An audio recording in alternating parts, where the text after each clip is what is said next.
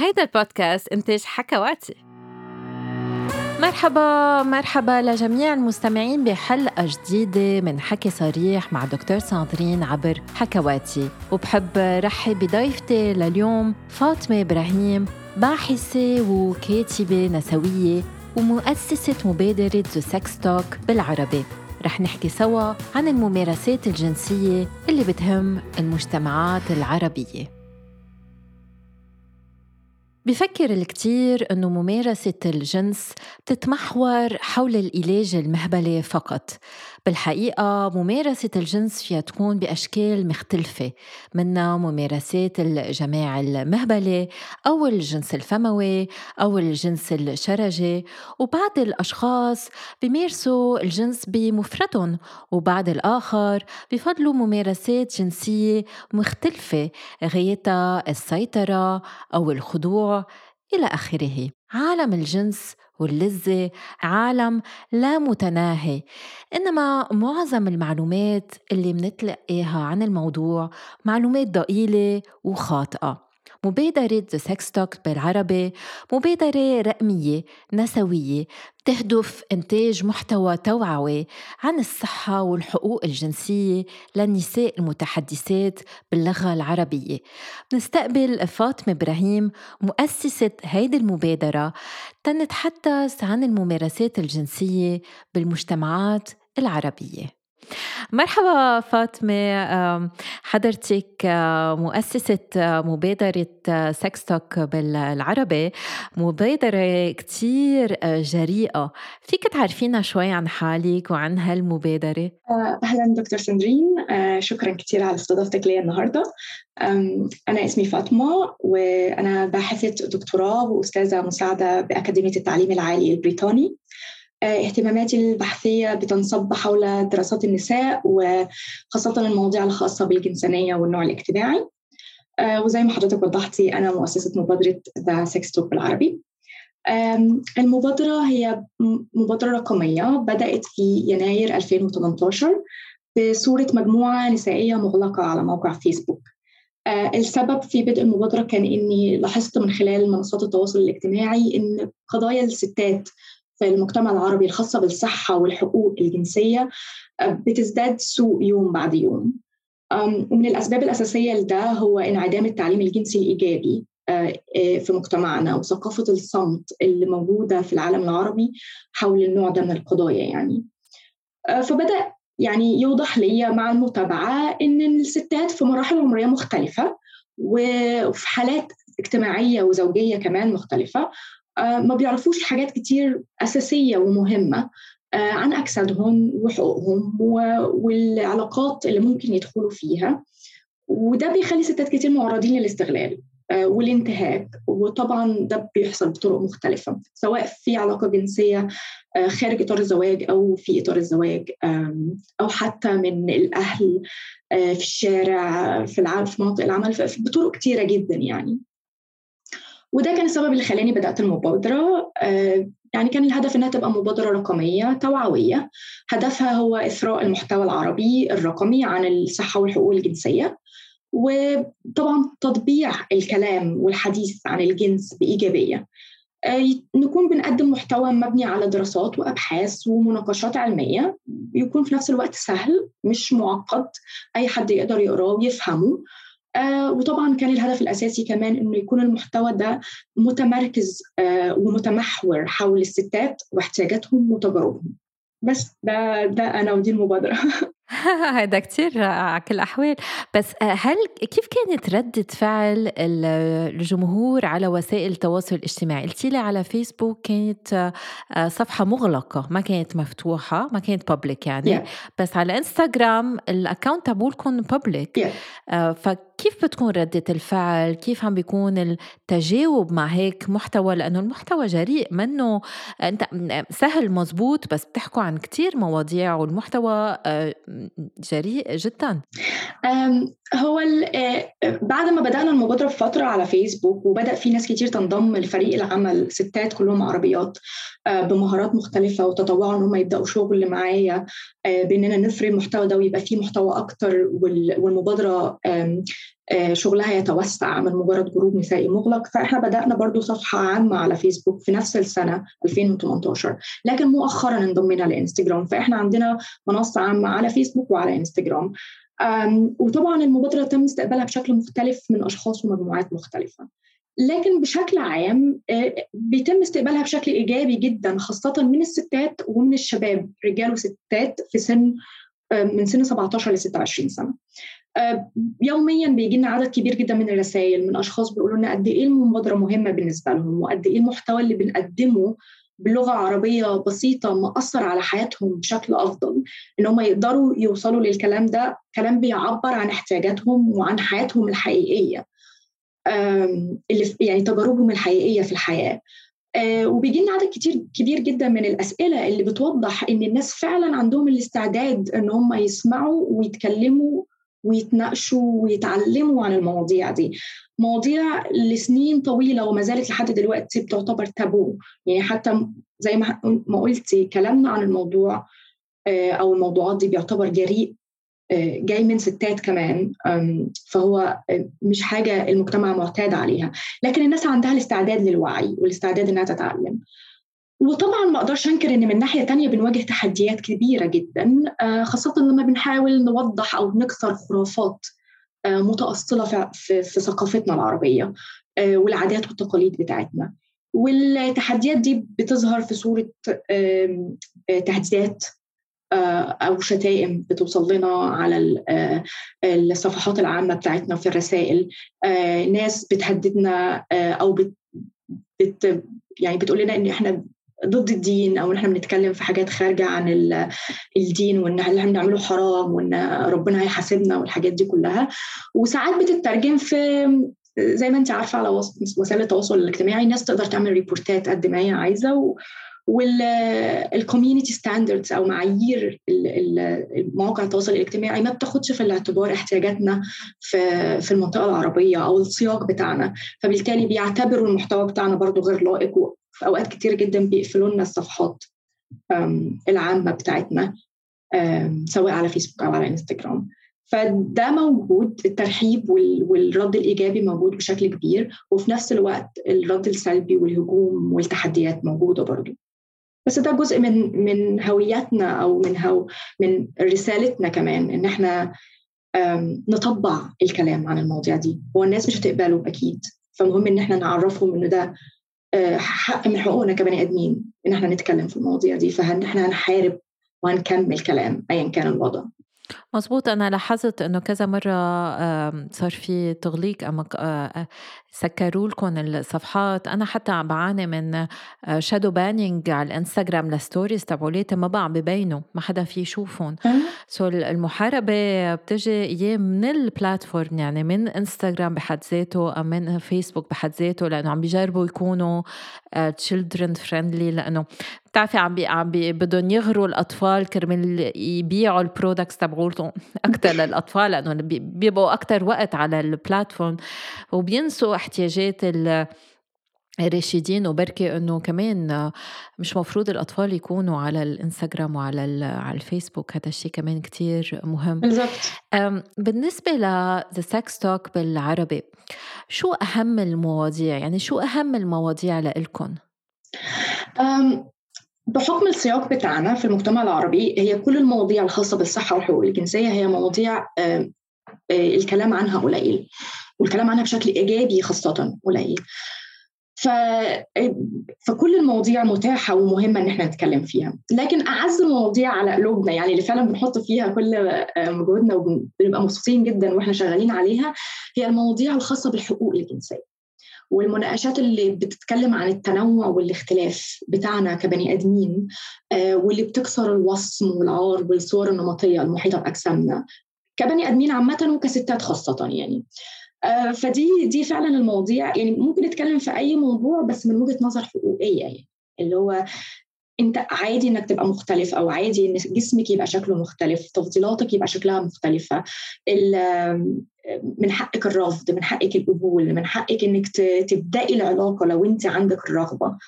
كل الحاجات دي اللي هي مش متعودين عليها في مجتمعنا اللي هي بتدي الباور أو القوة والسلطة للأشخاص نفسهم للتحكم في أجسامهم وعلاقاتهم دي الموضوعات المفضلة اللي بنحب نتكلم فيها. أو بنحب أو الزاوية اللي بنحب نتكلم في المواضيع الخاصة بالصحه الجنسية والجنس من خلالها. بتعرفي الاختلاف كمان موجود بالممارسات؟ يعني آه، عنا هالفكرة بركة جاية من الأفلام الإباحية أم بركة جاية من الثقافة أنه الممارسة الجنسية الوحيدة آه، اللي بتعطي المتعة هي إدخال العضو الذكري بالمهبل. بس نحن بنعرف أنه آه، كتار هن الأشخاص اللي بيمارسوا الجنس بغير طرق ورح يستكشفوا الجنس بغير طرق لأنه ما حدا ببلش بممارسة الجنس بالإدخال. أصلا إذا هو عم بيمارس إذا شخص عم بيمارس امرأة ورجل عم بيمارسوا سوا بنعرف إنه في غير أنواع من الممارسات. فهل بيجي أسئلة عن الممارسات الجنسية؟ هل في اهتمام بالنسبة للممارسات الجنسية المختلفة اللي متعلقة بالعلاج المهبلي؟ آه طبعا. كثير جدا. آه وده برضو بحكم إن زي ما بقول إنه آه المحتوى اللي بيتقدم لازم يكون بيعبر عن تجارب الناس في حياتهم الحقيقية أو الواقعية. فطبعا بيجي لنا كتير جدا آه، أسئلة آه، من متابعينا والمتابعين والمتابعات يعني عن التفضيلات المختلفة والميول الجنسية المختلفة. بحكم السياق كمان العربي بتاعنا وإن إحنا يعني المواضيع اللي الحديث عن الجنس بشكل عام هو موضوع مغلق قوي وزي ما أنت وضحتي إنه هي في صورة واحدة عن ممارسة الجنس وهو العلاج المهبلي أو الإدخال القضيب في المهبل. فمعظم الأسئلة اللي بتجينا بتجينا بقى عن الحاجات اللي هم بيعتبروها آه، غريبة.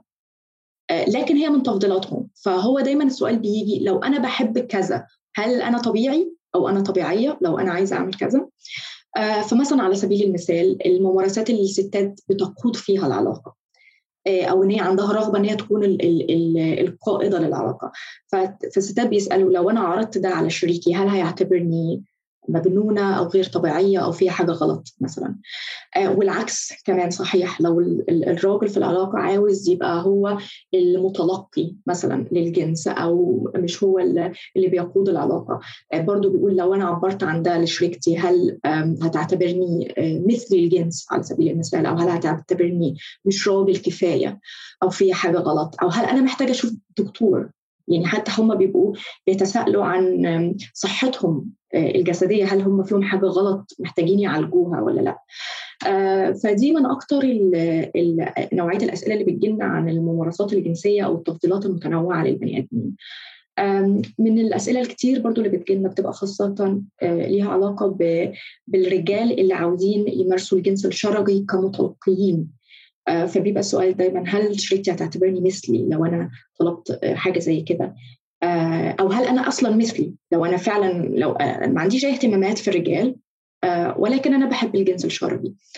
فالنوع نوع التنوع والاختلاف والصورة الغلط عن إن الميول الجنسية هي اللي بتتحكم في تفضيلاتنا الجنسية ده بيكون دايما الدافع ورا النوع ده من الأسئلة وإن الناس عندها اهتمام كبير تعرف هل هم فيهم حاجة غلط ولا لأ. وطبعا ده بيخلينا نأكد إن الميول الجنسية المختلفة ما هياش حاجة غلط بأي حال من الأحوال ولكن الناس بيبقى عندهم الفكر ده بسبب آه، الصورة النمطية في المجتمع عن النوع ده من الممارسات يعني. هيدا سؤال كتير شائع وما فيك تعرفي قد إيه عندي كمان patients آه، يعني بيكونوا عم بي عم بيعاينوا عندي بيكونوا عايشين بالبلاد العربية وعندهم هالحاجات مثلا بيكون رجل بحب النساء إنما بحب التحفيز الشرجي وقد إيه بحس بالعيب وبالعار وبفكر إنه هو غير طبيعي وعندي حتى patient بفكر إنه الأشخاص فيهم يعرفوا هو شو بفضل جنسيا فيهم يقروا بأفكار وقد ما خايف إنه يخسر رجوليته خايف إنه ما يقدر يتزوج لأنه عنده مثل سر مش قادر يحكي عنه مع زوجته المستقبلية يعني. وقد إيه في قلة معرفة وعار و... و... هول الأشخاص بتعرفي بيفوتوا بحالات اكتئاب كتير آه، عميقة بسبب تفضيلاتهم الجنسية اللي هي طبيعية لأنه نحن بنعرف إنه الشرج هي منطقة حساسة عند النساء وعند الرجال إنما عند الرجال بعد أكتر وفي تحفيز غير مباشر للبروستاتا فاللذة مختلفة من لذة تحفيز العضو الذكري أم القضيب. وهول معلومات كتير مهمة إنه نحكيها بس بس نحكيها مثل ما قلت كتير بيجينا تعليقات آه، سلبية إنه نحن عم نحكي نحكي ضد الأخلاق وضد آه، ضد الدين مثل الغرب. بس هذا جسمنا بالنهاية. بالظبط هو الموضوع كمان مرتبط إن الجنس بهدف المتعة في مجتمعنا ما هواش آه، مصطلح متعارف عليه أو ثقافة متعارف عليها. الناس يعني عندها الثقافة المنتشرة بتاعت إن الجنس يحدث بهدف الإنجابية. فهو ده السبب الوحيد اللي الناس تمارس عشانه الجنس الذكر كمان آه، متوقع إن هو كده كده بيتبسط بالعلاج المهبلي. فاعمله ويعني الست تحمل وخلاص كده خلصنا. لكن إن البني آدم يستخدم جسمه بهدف المتعة فقط ده مش مفهوم متعارف عليه عندنا. ولسبب ما الناس بتستنكره كمان. يعني إيه إن أنت تستخدم جسمك أنت يعني جسم الشخص تستخدمه لمجرد المتعة ايا كان بقى زي ما قلتي تحفيز آه، فتحة الشرج تحفيز الحلمات تحفيز ايا كان الجزء اللي بيبسط الشخص في جسمه آه، فده حق الشخص إنه يعمل ده مفيش أي حاجة توصم الموضوع ده. وأنا بس عاوز أقول نقطة مهمة كمان أنت بتقولي إن حتى الأشخاص اللي بيبقى عندهم الأحاسيس دي ده بيأثر على صحتهم النفسية بشكل كبير جدا وبشكل سلبي جدا. وده يخلي التعليم الجنسي أو احتياجنا للتعليم الجنسي في المنطقة العربية مهم جدا جدا وحاجة إحنا محتاجينها. آه، مش عدل ومش فير إن البني آدمين يبقوا عايشين بوصم وعار لمجرد إن هم بيمتلكوا أجسامهم. الحاجة الوحيدة اللي بنتولد بيها كبني آدمين في الحياة آه، وبنمتلكها من اللحظة الأولى هي المفروض تبقى أجسامنا. بعد كده بقى بنتطور في حياتنا. ممكن يبقى عندنا شغل ممكن يبقى عندنا عربية ممكن يبقى عندنا بيت. لكن الحاجة الوحيدة اللي بندخل بيها العالم وبنخرج بيها من العالم هي أجسامنا. فحقنا إن إحنا نمتلكها. من غير ما نعيش بوصمة أو بحالة نفسية آه، سيئة بسبب آه، أحاسيسنا وامتلاكنا لأجسادنا. مظبوط وبما أنه عم نحكي عن اللذة والاستمتاع أول تجربة متعة هي بالاستكشاف الذاتي وموضوع إمتاع الذات بعده كتير تابو بمجتمعاتنا وفي كتير أفكار خاطئة وخرافات حول إمتاع الذات. شو بيجيكم أكتر شيء أسئلة بالنسبة لهالنوع من الممارسات الفردية؟ آه، هو موضوع امتاع الذات فعلا من أكثر المواضيع اللي تعتبر تابو في في المجتمع بتاعنا للستات وللرجالة الاثنين آه، آه، على حد سواء يعني بس طبعا بشكل مختلف. يعني عند الستات هي مرتبطة بفكرة العار وإن الجسم الست ده ما ينفعش استكشافه أصلا أو استخدامه للمتعة من من أي شخص غير الزوج حتى لو كانت الست نفسها. بينما للرجالة يعني الموضوع مختلف شوية وبيبقى مرتبط بالخوف من إدمان الممارسة أو إدمان الادوات اللي بتساعدهم مع الممارسة. يعني لو في رجالة بي... أشخاص بيتفرجوا على آه، أفلام جنسية لتحفيز آه، الإثارة أثناء الإبداع الذاتي فهم بيبقوا خايفين إن من العار المحيط بمشاهده الحاجات دي أو الأفلام الجنسية أو إدمانهم. للنوع دوت من الممارسات. معظم الأسئلة اللي بتبعت لنا بخصوص الموضوع بيبقى ليها علاقة بالخرافات المرتبطة بالامتاع الذاتي. وبرضه دي خرافات بتختلف من الرجاله للستات. فالستات معظم الأسئلة اللي آه، بتبقى ليها علاقة بهل الامتاع الذاتي بيسبب عقم للمرأة؟ في ستات بتعتقد إنه بيخلص على عدد البويضات. اللي الستات بتمتلكها آه، فبالتالي لما تتجوز أو لما تبقى عاوزة تخلف مش هتقدر إنها تعمل ده لأنها لو بتمارس الجنس أكتر من مرة في اليوم أو أكتر من مرة في الأسبوع فهي كده خلصت على بويضاتها طبعا ده غلط ده مش حقيقي وملوش علاقة البويضات آه، بيتم إنتاجها في مرحلة التبويض خلال الشهر أو الدورة الشهرية ملهاش علاقة بالمتعة الجنسية. آه في برضو يعني أسئلة بيبقى ليها علاقة بهل الإمتاع الذاتي بيسبب ترهل الشفرات بتاعة الفرج أو آه بتغيير الألوان وبيخليها ألوانها غامقة. آه وده برضو مرتبط بإن ثقافة المجتمع عن إن ألوان الأعضاء الجنسية لازم تبقى فاتحة ووردي وناعمة آه، وكل الحاجات الغريبة جدا ديت اللي بتأثر على شكل أو الصورة اللي الستات بياخدوها عن أجسامهم وتقبلهم لأجسامهم. آه، ف كنوع من التهويل أو أو تخويف الستات من إن هم يستكشفوا أجسامهم فبيتم الناس بيقولوا لها إنه ده هيحصل لك لو عملت ده هيحصل لك ترهل للشفرات وهيبقى المنطقة دي غامقة. آه ففي ستات كتير بتحاول إنها ما تعملش الممارسة دي حتى لو هم حابين علشان يتفادوا ده. برضو دي معلومة غلط الإمتاع الذاتي ما بيسببش آه ترهل شفرات أو آه غمقان المنطقة بتاعة آه الفرج.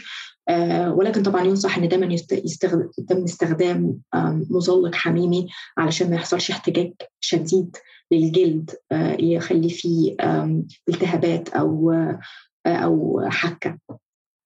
كمان بيعتقد إن الامتاع الذاتي هيأثر على متعة الست بعد الزواج. فلو هي بتقدر تمتع نفسها أو تمتع نفسها جوزها مش هيقدر يمتعها. آه، أو شريكها الجنسي بعد كده مش هيقدر يمتعها آه، برضه دي معلومة غلط آه، لأن حتى بالعكس الامتاع الذاتي بيساعد الست إنها تستكشف مناطق المتعة بجسمها وبالتالي هي تقدر توجه شريكها بعد كده على إيه اللي بيبسطها أو هو ممكن يعمل إيه يزود من متعتها أثناء العلاقة الجنسية. أما بخصوص الرجالة الخرافات أو الأسئلة اللي بتجيلنا بيبقى ليها علاقة بهل الامتاع الذاتي بيسبب سرعة القذف أو ضعف الانتصاب مع الوقت. آه وسؤال برضو مهم جدا بيجي لنا هل الإمتاع الذاتي ممكن يسبب عدم القدرة على التحكم في الانتصاب وال آه بتاع العضو يعني فممكن إن يحصل انتصاب وقصف في أماكن عامة من غير إرادة؟ فدي برضو تاني خرافات ملهاش آه، علاقة بالإبداع الذاتي. الإبداع الذاتي هو ممارسة صحية جدا وممارسة آمنة كمان بتساعد الأشخاص إن هم يتعرفوا على أجسادهم وبتساعدهم يعرفوا مناطق متعتهم وبتساعدهم يوجهوا الشريك آه، لمناطق المتعة دي. وحتى لو من غير شريك سواء مع شريك أو مش مع الشريك عادي جدا ممارسة الامتاع الذاتي إنها تتعمل آه، بهدف المتعة البحتة. وبالنسبة للانتصاب والقذف المبكر نحن بالعكس يعني بس نكون عم نعالج قذف مبكر عم نعالج مشاكل انتصاب بنطلب للرجل إنه يستكشف مزبوط هو شو بحب وكيف يحفز الإثارة تبولته وكيف يسيطر على الإثارة مع نفسه مع الحركات اللي بيستعملها يعني حتى بنستعملها بالعلاج. وبالنسبة للمعلومات اللي عنا إياها عن جسمنا في شاب بيجي عندي اليوم من من يومين قال لي بتعرفي ما كنت عارف إنه مش كل فتحات الشرج آه، زهر. قلت له بس ما في فتحة شرج زهر. طب طبيعي إنه يكونوا غاميين قال لي لأنه بالأفلام الإباحية كلهم زهر. قلت له بس بتعرف إنه أفلام الاباحيه إنه مش مزبوطه قال لي إيه فتت شفت إنه آه بيعملوا تفتيح للأعضاء وهيك. هل هذا الشيء خطر؟ قلت له إيه أكيد خطر. في يعمل مشاكل بالجلد في يعمل سرطان بالجلد واكثريه آه، الأوقات هو بيكون أكثر فوتوشوب مما تبيض يعني للأعضاء التناسلية وفتحات الشرج. بس قال لي أصلا أنا يعني بحب بحب الاعضاء التناسليه عند المرأة وشكلهم وفتحة الشرج شو ما يكون لونها بس تفاجأت إنه أشوف إنه لا آه، منهم يعني المعلومات الخاطئة اللي عنا إياهم عن عن جسمنا. وهال هالفكرة إنه الألوان لازم دائما تكون فاتحة. كأنه الأعضاء التناسلية فواكه. لا. هذا شيء منه طبيعي واللون الداكن أم الغامق منه لون عيب أم غلط أم بشع أم مجوي أم آه، مقرف. يعني في كتير آه، أمور لازم نشتغلها بالثقافة. من. أنا برأيي من المراهقة الشخص يتقبل نفسه كيف ما يكون آه، شكله هذا شيء كتير مهم. بالضبط. وحتى كمان يعني مش بس الألوان كمان الروائح اللي هم بيتوقعوها من إن برضو يعني هي مرتبطة بالأدوار الاجتماعية يعني خاصة الستات.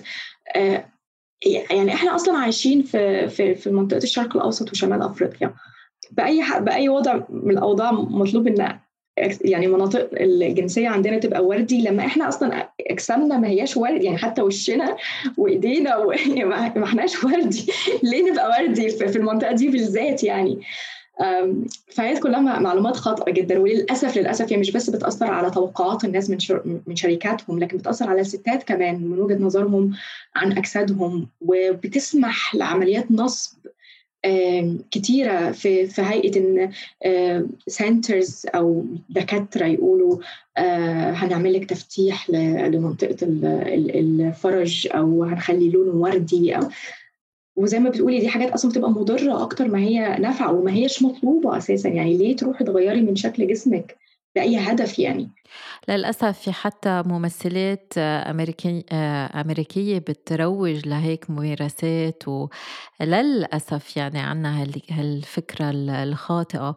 وبما إنه عم نس... عم نحكي كمان عن إمتاع الذات في سؤال أنا كتير بيجيني إذا إمتاع الذات بيخلي المرأة تفقد عذريتها وواحد بيلاحظ قد إيه في هوس بالنسبة لموضوع العذرية وبركي في آه، فهم آه، آه، خاطئ لموضوع العذرية والأشخاص بفتشوا على ممارسات بتحافظ على العذرية. ما بعرف شو يعني هذه العبارة. بركي بركي بتخبرينا شوي أنتم اللي الفولورز على صفحاتكم وعلى المنصة عندكم شو اهتماماتهم بالنسبة لهول الممارسات وأسئلتهم عن العذرية؟ آخ موضوع العذرية ده آه، من يعني بجد إحنا تعبنا في الكلام فيه ومش إحنا بس منصات كتير كمان آه، سواء مهتمة بالتعليم الجنسي أو لأ بيحاولوا يوعوا آه، في موضوع العذرية ده يعني إحنا عندنا من أكبر الخرافات المتأصلة في مجتمعنا العربي هي خرافة ارتباط العذرية بغشاء البقرة أو ما يسمى بغشاء البقرة. وفي مناطق كتير في المنطقة العربية الموضوع ده ممكن يودي بحياة الستات. يعني الستات بتفقد حياتها بسبب الموضوع ده. فطبعا هو موضوع بيشغل بال ستات كتير جدا وناس كتير من المتابعين سواء ستات أو رجالة بيسألوا عن الموضوع ده. الأسئلة اللي بتجينا طبعا طبعا بتبقى ليها علاقة بالخوف. يعني آه، أعمل إيه لو ما حصلش نزيف في أول علاقة جنسية؟ وطبعا بتبقى خاص بالعلاقه الجنسية دي مرتبطة بأول يوم زواج. والأسئلة بقى بيبقى ليها علاقة آه، طب لو عملت كذا ممارسة معينة هل ده ممكن يفض الغشاء وينهي عذريتي؟ آه، طب لو اتفض أعمل إيه؟ أروح فين؟ هل في دكتور يقدر يرجعني عذراء تاني؟ حاولنا كتير إن إحنا نوضح طبعا وما زلنا بنتكلم عن إن آه، غشاء البقرة ما هو إلا خرافة. هو الاسم العلمي بتاعه هو الاكليل المهبلي ملوش علاقة بالعذرية هو حاجة آه، موجودة عند بعض الستات لكن ما هياش مرتبطة بالعذرية ومش لازم بالضرورة تتفض أو تتقطع آه، مع أول علاقة جنسية. ولو حصل وحصل لها alteration أو اتحركت من مكانها بسبب آه، إدخال العضو أو إدخال أداة جوه المهبل مش لازم بالضرورة يحصل نزيف. ولو نزيف حصل مش لازم بالضرورة يبقى أنهار فياضة من من الدم زي ما بيشوفوها في الأفلام العربية القديمة الأفلام المصرية I have to say علشان أنا بلوم المصريين على الموضوع ده. فالموضوع كله مرتبط بخرافة طبعا. تم توارثها عبر الأجيال آه، بسبب إن العلاقة الجنسية في أول مرة آه، أو في ليلة الجواز بتحصل بعنف. الراجل عايز يثبت آه، ذكورته. والست خايفة وما هياش مستعدة ما فيش أي علم عندها. ستات كانوا بيتجوزوا صغيرين جدا آه، في أحيان كتيرة في مناطق كتيرة كان بيتم غصب الست على آه، فتح رجلها. يعني كان بيبقى في حد ثالث أو رابع كمان موجود في الغرفة آه، لإتمام عملية العلاج. فكان طبيعي إن الست تنزف. طبيعي إنها تتعور ويبقى في ألم ويبقى آه، عملية مؤلمة جدا ليها ولاصحابها نزيف دم. لكن ده ملوش علاقة بالعذرية بأي حال من الأحوال. آه، بس بسبب انتشار الثقافة دي بقى سواء المجتمع رضي أو رفض الأشخاص بيمارسوا الجنس خارج إطار الزواج. آه، وبسبب انتشار الثقافة هم بيدوروا على ممارسات يقدروا يعملوها. ما تأثرش على غشاء البقارة ده. أو ايفر call it يعني. آه ف آه، ستات كتير ليهم علاقات جنسية خارج إطار الزواج آه بيبعتوا لنا يسألوا على بعض الممارسات اللي بيقوموا بيها وهل ده ممكن يأثر على ما يسمى بغشاء البقرة أو لأ. طبعا من الممارسات المنتشرة جدا زي ممارسات ممارسات الجنس الشرجي ممارسات الجنس الفموي ممارسات الجنس الخارجي اللي هو ما بيتضمنوش أي إدخال. آه، وممارسات الجنس الإلكتروني زي المحادثات التليفونية أو الرسائل برضو التليفونية اللي بيتم فيها محادثة جنسية تحفز الإثارة عند الطرفين وتؤدي للوصول للنشوة الجنسية. فدي كلها ممارسات موجودة ومعروفة والأشخاص بيقوموا بيها مش لأنها بالضرورة تفضيلاتهم لكن الهدف الأساسي عندهم بيبقى الحفاظ على العذريه طبعا ده نوع من التحايل على الخرافات اللي موجودة في المجتمع وأنا بشوف إن هو يعني لو لو حياه الستات بتفضل مهددة بحاجة زي دي بخرافة زي دي فطبيعي إن الناس بتلاقي دايما طرق إنها تتحايل على الحاجات دي أو على الخرافات دي طرق للتعايش. لأن كبني آدمين إحنا من حقنا المتعة من حقنا إن إحنا لما نبقى في نبقى في علاقات عن عايزين فيها آه، نشارك أجسادنا آه، مع شركائنا من حقنا إن إحنا نعمل ده بطريقة أمنة. آه، فطبعا الناس بتلاقي طرق إنها تعمل ده. ومن أكثر الأسئلة اللي بتجينا هي إزاي يقوموا بالممارسات دي اللي هي ما بتأثرش أو ما بتفقدهمش عذريتهم وهون شوية تناقض لأنه عادة الجنس الفموي أم حتى الجنس الشرجي هن ممارسات بركة حميمية أكتر من الجنس المهبلة لأنه الواحد بده يكون قريب أكتر من التاني بده يكون حكي أكتر تعرف عليه أكتر. والتناقض كمان أنه الجنس الشرجي كمان دينيا في كتار آه، ضد الفكرة. وكتار من السيدات ما بيستمتعوا أصلا بالجنس الشرجي بس بيعملوا هالشي كرمال يرضوا الشريك وما يخسروا. وبعد السيدات بيستمتعوا بالجنس الشرجي ما رح ننفي هذا الشيء بس آه، آه، في كتير تناقض وفي كتير ضغط اجتماعي بس على المرأة وبتلاقي حالها موجودة بممارسات بركة منا المفضلة لإلها علما إنه هي بركة تنبسط أكثر من الجنس الخارجي من الجنس المهبلي على كل الأحوال إنما بتكون هي ما اكتشفت هالشي وما عرفت هالشي. وبس تستكشف الجنس المهبلي أيام آه، بصير عندها نوع من الصدمة أم بت بتزعل لأنه بتفكر إنه أنا نطرت كل هالوقت لشيء آه، ما هالقد عم بيعطيني آه، متعة للبعض برجع بذكر يعني لأنه بعض النساء بفضلوا المداعبات أم الجنس الخارجي. ف يعني صار الجنس المهبلي overrated بالمجتمعات العربية. بنعطيه اهتمام آه، كتير كبير. وبنصير نركز على غير ممارسات. ومثل ما عم تقولي لازم تتمارس بأمان وما عم تتمارس بأمان. يعني الأشخاص اللي عم بيمارسوا الجنس الفموي والجنس الشرجي ما عم بيمارسوها بطريقة آمنة. هذا كمان مشكل. بالضبط. آه، هو الموضوع معقد فعلا. بس برضو من الاهداف اللي خلتنا نعمل The Sex Talk في البداية كان الموضوع ده في حد ذاته. هو إن تاني سواء المجتمع رضي أو مرضيش الستات بتنخرط في ممارسات جنسية خارج إطار الزواج. علشان تمارس الممارسات دي من غير ما تعرض حياتها للخطر بيضطروا إن هم يدخلوا في علاقات آه، أو ممارسات تانية تعوض عن اللي هو الإدخال المهبلي آه، هي ربما تكون فعلا حميمية وجميلة وممتعة ليهم جدا لكن بسبب عدم الوعي هم بيقوموا بالممارسات دي فقط بهدف إمتاع الطرف الثاني ومن غير آه، وعي بطرق الأمان. فعلى سبيل المثال من أكثر الأسئلة اللي بتجينا هو هل استخدام الواقي الذكري ضروري مع الجنس الشربي فده يعني بيبقى دايما شوكينج أو صادم إنه طبعا طب يعني ليه ما تعرفوش إنه دي حاجة من الأساسيات اللي لازم تعرفوها إن الناس لازم تعرف قبل ما ينخرطوا في أي ممارسة إزاي يحافظوا على أمانهم وعلى آه، آه، صحتهم أثناء الممارسة دي.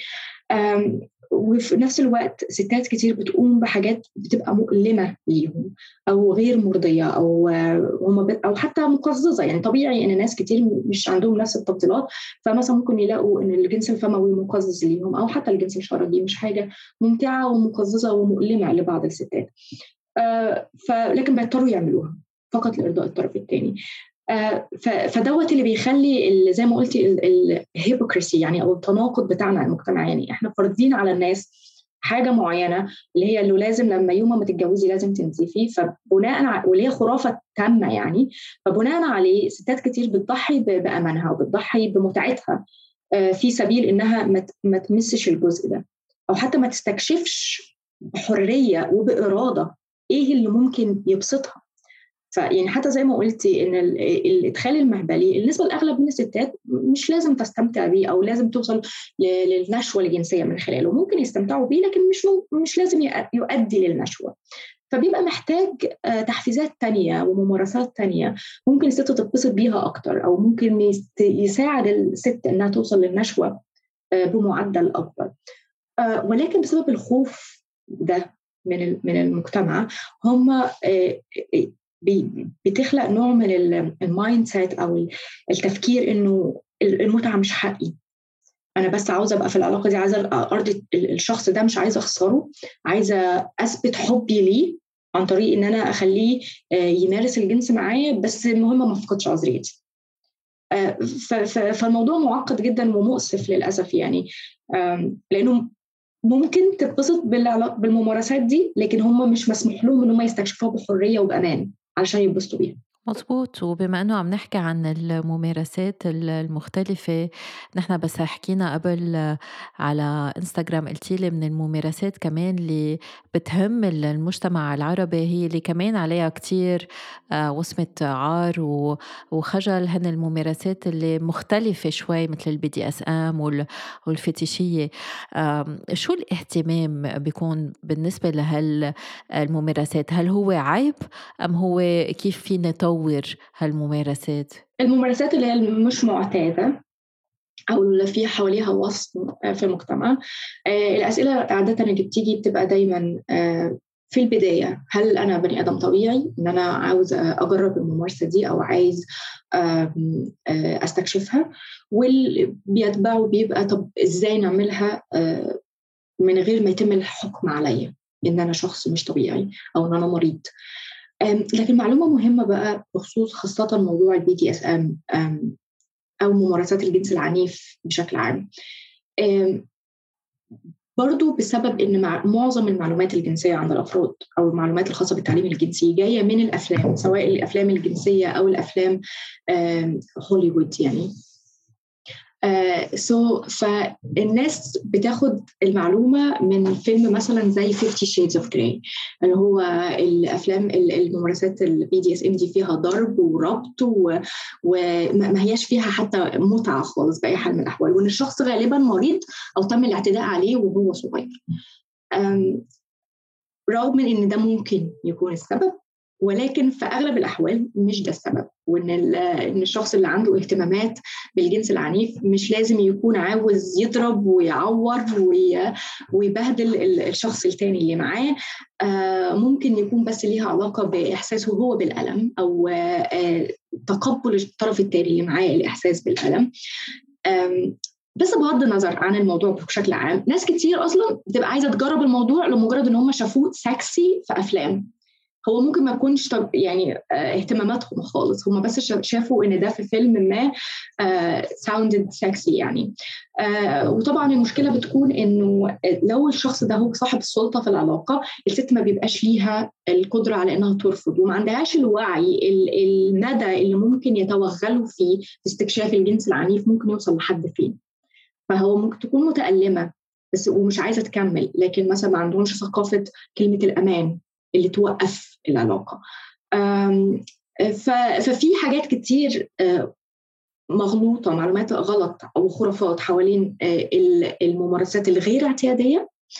آه، وفي كمان ممارسات كتير غلط لما بييجوا بيحاولوا ينفذوا الممارسات دي في أرض الواقع.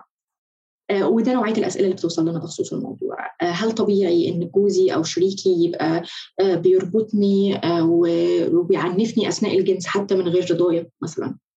هل طبيعي إن هو عاوز يعمل ده؟ وأنا مش راضية أو أنا راضية بس مش بس خايفة ومش عارفة ممكن الألم يوصل لحد فين ومش عارفة ممكن أستحمله لحد قد إيه؟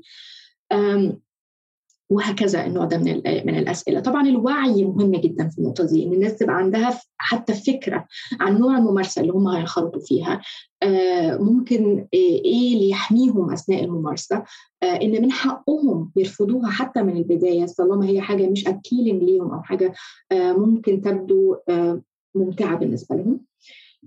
وطبعا التواصل بين الشريكين مهم جدا واحترام رغبة الطرف الآخر وعدم وصم الطرف الآخر لما بيعبر عن رغباته. ده شيء مهم جدا. وخارج نطاق آه، الممارسات العنيفة. حتى الممارسات اللي مش عنيفة لكن تبدو غريبة على المجتمع زي مثلا ممارسة الجنس الفموي. آه، أشخاص كتير بيعتبروا الجنس الفموي هو آه، ممارسة مهينة ومرتبطة بالعاملين بالجنس. فبرضو دي حاجة من الحاجات اللي ستات كتير ممكن يبعتوا ويسألونا. آه، لما شريكي بيطلب مني إن أنا أعمل ده أنا بحس بالإهانة. أنا بحس إن هو شايفني إن هو زي ما يكون دافع لي حق الليلة بالمعنى. آه ومبقاش عارفة أقول إيه. فتفكيك الوصم المحيط بالممارسات الغريبة على المجتمع مهم لأنه مش المفروض أي ممارسات أو أي تفضيلات شخصية تبقى موصومة. دي حاجة مهمة وفصل النقطة دي عن حق الأفراد في الانخراط في أي ممارسة أو عدم الانخراط في أي ممارسة آه، ده جزء تاني منفصل خالص عن عدم الوصف آه، فدول نقطتين أعتقد بيبقوا مهمين قوي توضيحهم لما بنتكلم على الممارسات الجنسية الغير معتادة في المجتمع. هون لازم نفرق بين الجنس العنيف والتعنيف الجنسي لأنه في كتير آه، ارتباك بالموضوع والتراضي كتير مهم وفي هالفكرة الخاطئة أنه النساء بحبوا الجنس العنيف لأنه هيك بنشوفه بالأفلام وهذا الشيء مش مزبوط. هلأ في بعض الأشخاص بحبوا هالممارسات بس هيدي لازم تصير بالتراضي مع آه، قوانين وحدود وكلمة آمنة. يعني واحد بده بده يعرف كيف يمارس هول الممارسات. والبلاد العربية أصلا بنشوف أنه في أكتر رجال بيطلبوا أنه هن يكونوا آه، الخاضعين. هن يكونوا المعنفين. بجا هون بحكي عن عنف جنسي بالتراضي منه تعنيف آه، جنسي. يعني عم بيكون في رضا بين الشريكين هون كتير بيستحوا إنه يعبروا عن هالموضوع ويعبروا عن هول التفصيلات المهم بفتكر أكتر شيء الواحد يقدر يكون صريح ويقدر مثل ما قلتي يعرف إنه في عنده حق إنه يقول لأ. آه إنه يتسمع للتاني تيشوف ليش مهتم بهيك ممارسات بس طبعا إذا منه راضي ام هذا الشيء ما يهمه آه يقدر آه يرفضها من هيك رح نعطي هيك بعض النصايح للرجال آه تيقدروا يحكوا مع النساء لأنه قليل تيتسمعوا يحكوا مع الرجال.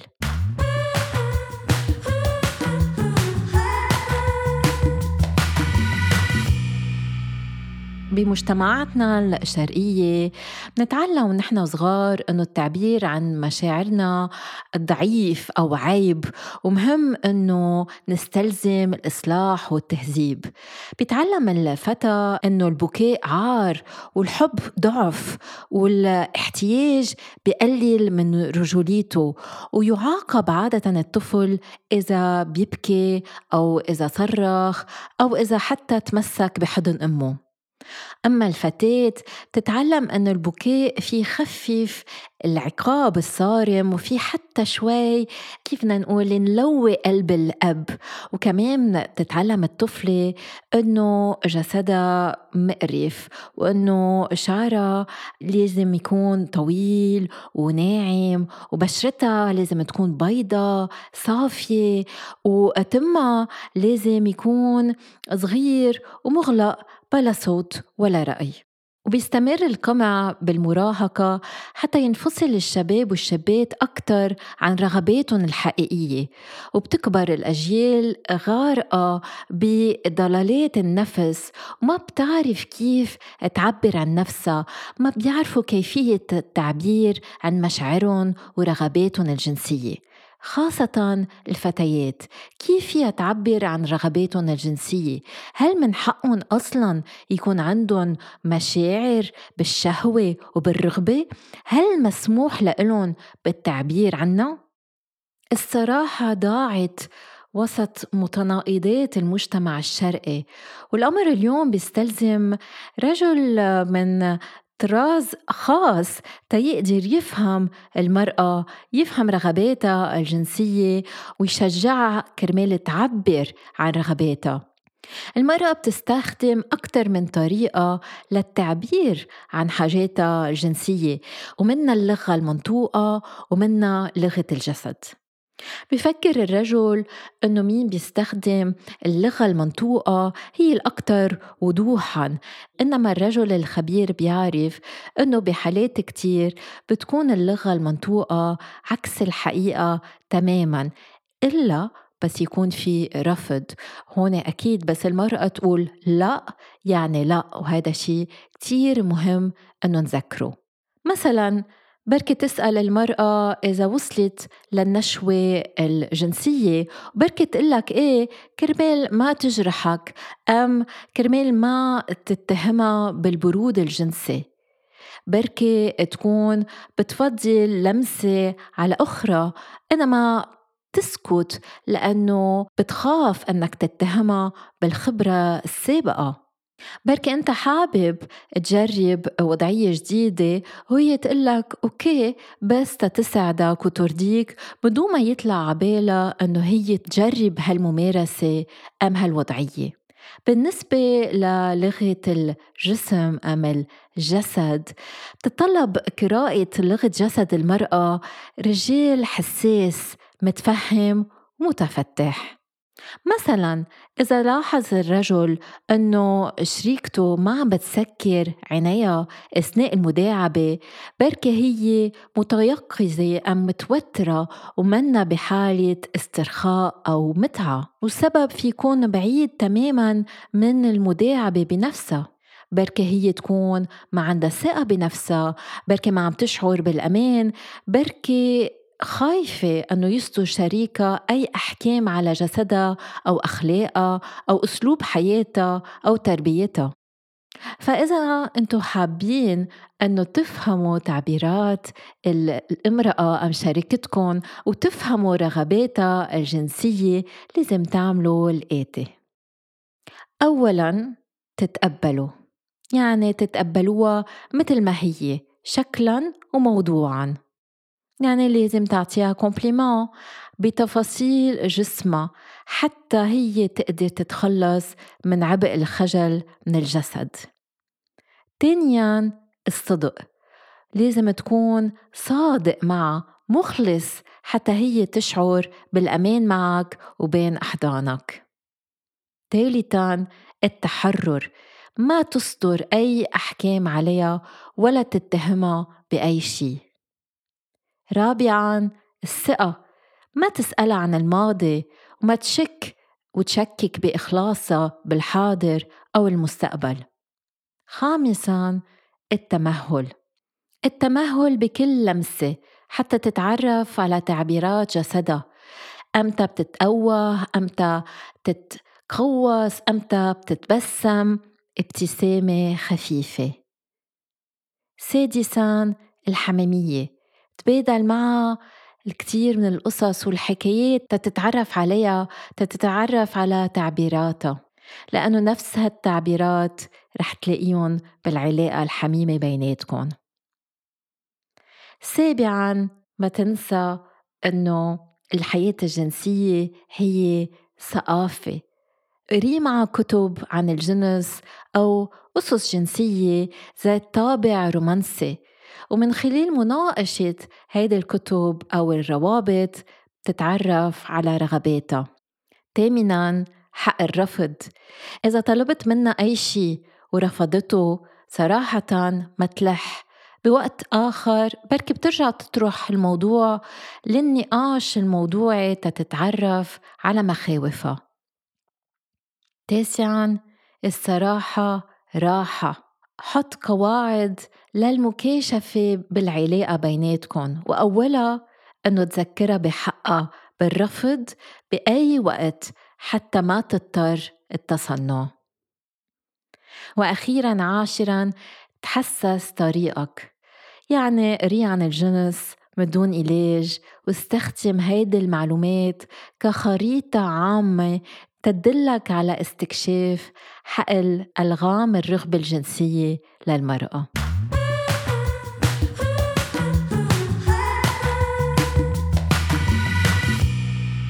فاطمة رح ننتقل لأسئلة المستمعين.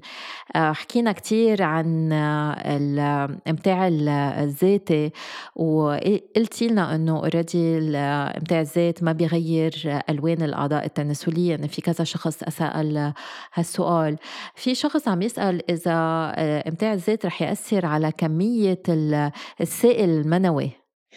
آه لا دي معلومة برضو غلط عن الإمتاع الذاتي السائل المنوي مش كمية معينة بيتم إنتاجها وبتخلص. آه، ده إنتاج متكرر مع الوقت يعني فكون إنه بيحصل إمتاع ذاتي وإيجاكوليشن أو قصف ده مش هيقلل نسبة السائل المنوي الموجودة. بشكل عام بالعكس ممارسة الإمتاع الذاتي هي ممارسة صحية وآمنة مفيدة للشخص إن هو يعملها. كمان علشان خاصة أصحاب الناس اللي عندهم خصية يعني آه، بتساعد على تفريغ السائل المنوي وتقليل آلام الخصيتين. مظبوط وفي شخص سألنا عن إذا بتأثر على البروستاتا كمان نفس الشيء هي ما آه، في دراسة فرجت إنه فيها تحسن صحة البروستاتا وتحمي من سرطان البروستاتا بس عاوزين أكتر دراسات عن الموضوع إنما أكيد إمتاع الذات ما بيضر بالبروستاتا وبالعكس آه، في يكون صحي في آه، شاب عم يسألنا شو الممتع أكتر للمرأة إدخال العضو الذكري بالمهبل أم التحفيز المهبلي بواسطة الأصابع؟ okay so so, بشكل عام آه، معظم الأبحاث الخاصة بالموضوع ده بتقول إن أغلب النسبة الأغلب من الستات مش هتوصل للنشوة الجنسية فقط عن طريق الإدخال المهبلي وبيحتاجوا تحفيز ومداعبات خارجية آه، خاصة للبذر وأي مناطق إثارة تانية خاصة بالست آه، للوصول للنشوة. لكن ده مش معناه إن كل ست كده. فمهم جدا إن الشخص اللي بيسأل السؤال يسأل شريكته هي إيه اللي بتفضله وإيه اللي بتحبه أكتر. في ستات كتير جدا بتستمتع بالجنس المهبلي حتى لو مش هيوصلهم للنشوة. يعني والوصول للنشوة مش دايما الهدف عند كل الأفراد. ففي فرد ممكن يستمتع جدا بالجنس المهبلي ويفضله عن أي حاجة تانية رغم إن هي عارفة إنها مش هتوصل للنشوة من خلاله. وطبعا آه، ممكن شريكته هي بشكل خاص تكون آه، الجنس المهبلي عنصر اساسي لوصولها للنشوه فرغم إن دي الإحصائيات العامة بتقول إنه معظم الستات مش بتفضله بشكل منفرد لكن مهم التواصل جدا مع الشريكة وسؤالها هي شخصيا إيه اللي هي بتفضله وإيه المداعبات اللي بتحبها.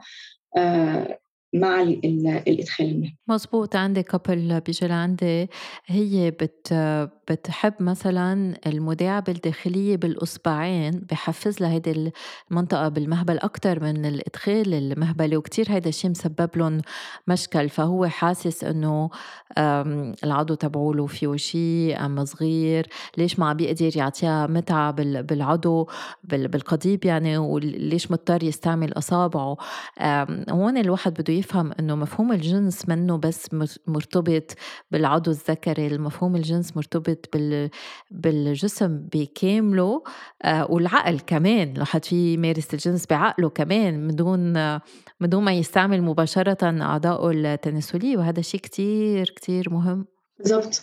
التخيلات الجنسية الايماجينيشن من حتى أثناء العلاقة الجنسية لو في علاقة جنسية بتتم استخدام التخيلات أو العقل للتحفيز وإثارة الجسم من العوامل المهمة جدا والناس كتير بتستمتع بيها آه، وبتساعدهم على آه، الوصول للمتعة الجنسية.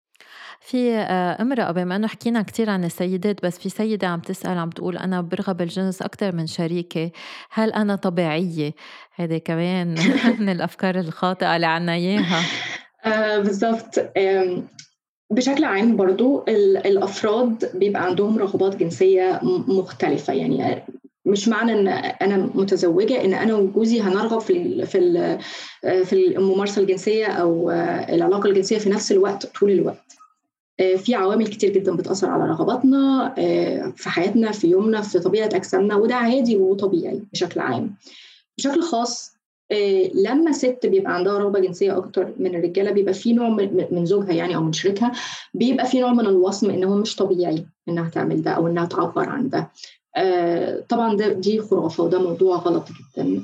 من حقك إنك تعبري عن رغباتك الجنسية. لو انت عندك رغبة جنسية أكتر من زوجك دي حاجة طبيعية ما تخليكيش عندك مشكلة بأي حال من الأحوال. كان ممكن يبقى العكس وكان برضو هو هيبقى طبيعي مش هيبقى فيها مشكلة. آه وزي ما كنا بنتكلم أنا ودكتور ساندرين آه من شوية إن في فرق بين إن إحنا نعبر عن رغباتنا الجنسية آه واهتماماتنا الجنسية وبين إن الطرف الثاني يوافق عليها طول الوقت أو يبقى مستعد ليها طول الوقت. فأنت طبيعية زي ما انت برغباتك وحقك تعبري عنها وحقك تتكلمي عنها آه وتتواصلي مع شريكك بخصوصها. آه وهو رده أو استعداده الجنسي آه برضه بما يناسب رغباته هو ده حقه هو كمان. مظبوط اللي عم بتقوليه تماما. و يعني هالفكرة إنه المرأة ما عندها رغبة كتير كتير شائعة. وهالفكرة إنه جسم المرأة كمان في يتغير أثناء الممارسة. يعني في سيدة كمان بعتت لنا سؤال هل بيتسع المهبل من بعد ممارسة الجنس؟ يعني في كتير هيك أفكار خاطئة بالنسبة كيف بيتحول الجسم من بعد الممارسات الجنسية. آه. بالضبط الموضوع ده برضه بيجي لنا كتير من الأسئلة اللي بتجي لنا كتير إن من من طرق المجتمع الذكوري والأبوي في التحكم في أجسام الستات إن هو أوهمهم إن مع الممارسات الجنسية الطويلة أو الكثيره أو المتكررة المهبل بيوسع فبالتالي ما بيبقاش ممتع للذكر فده يؤهله مثلا أو يسمح له إن هو يجيب شركاء تانيين للعلاقة أو إن هو يبقى مع ناس تانية يتجوز أشخاص تانية. آه وكمان بيفتح أبواب لوصم الستات إن هو تروح تعمل حاجة تضيق المهبل. طبعا دي معلومة غلط. المهبل هو مجرد عضلة بتتمدد أثناء العلاقة الجنسية وبتنكمش مع عدم التمرين زي أي علاقة تانية زي أي عضلة تانية. اللي بيحصل مع الوقت إن الست بتبقى مرتاحة أكتر في جسمها.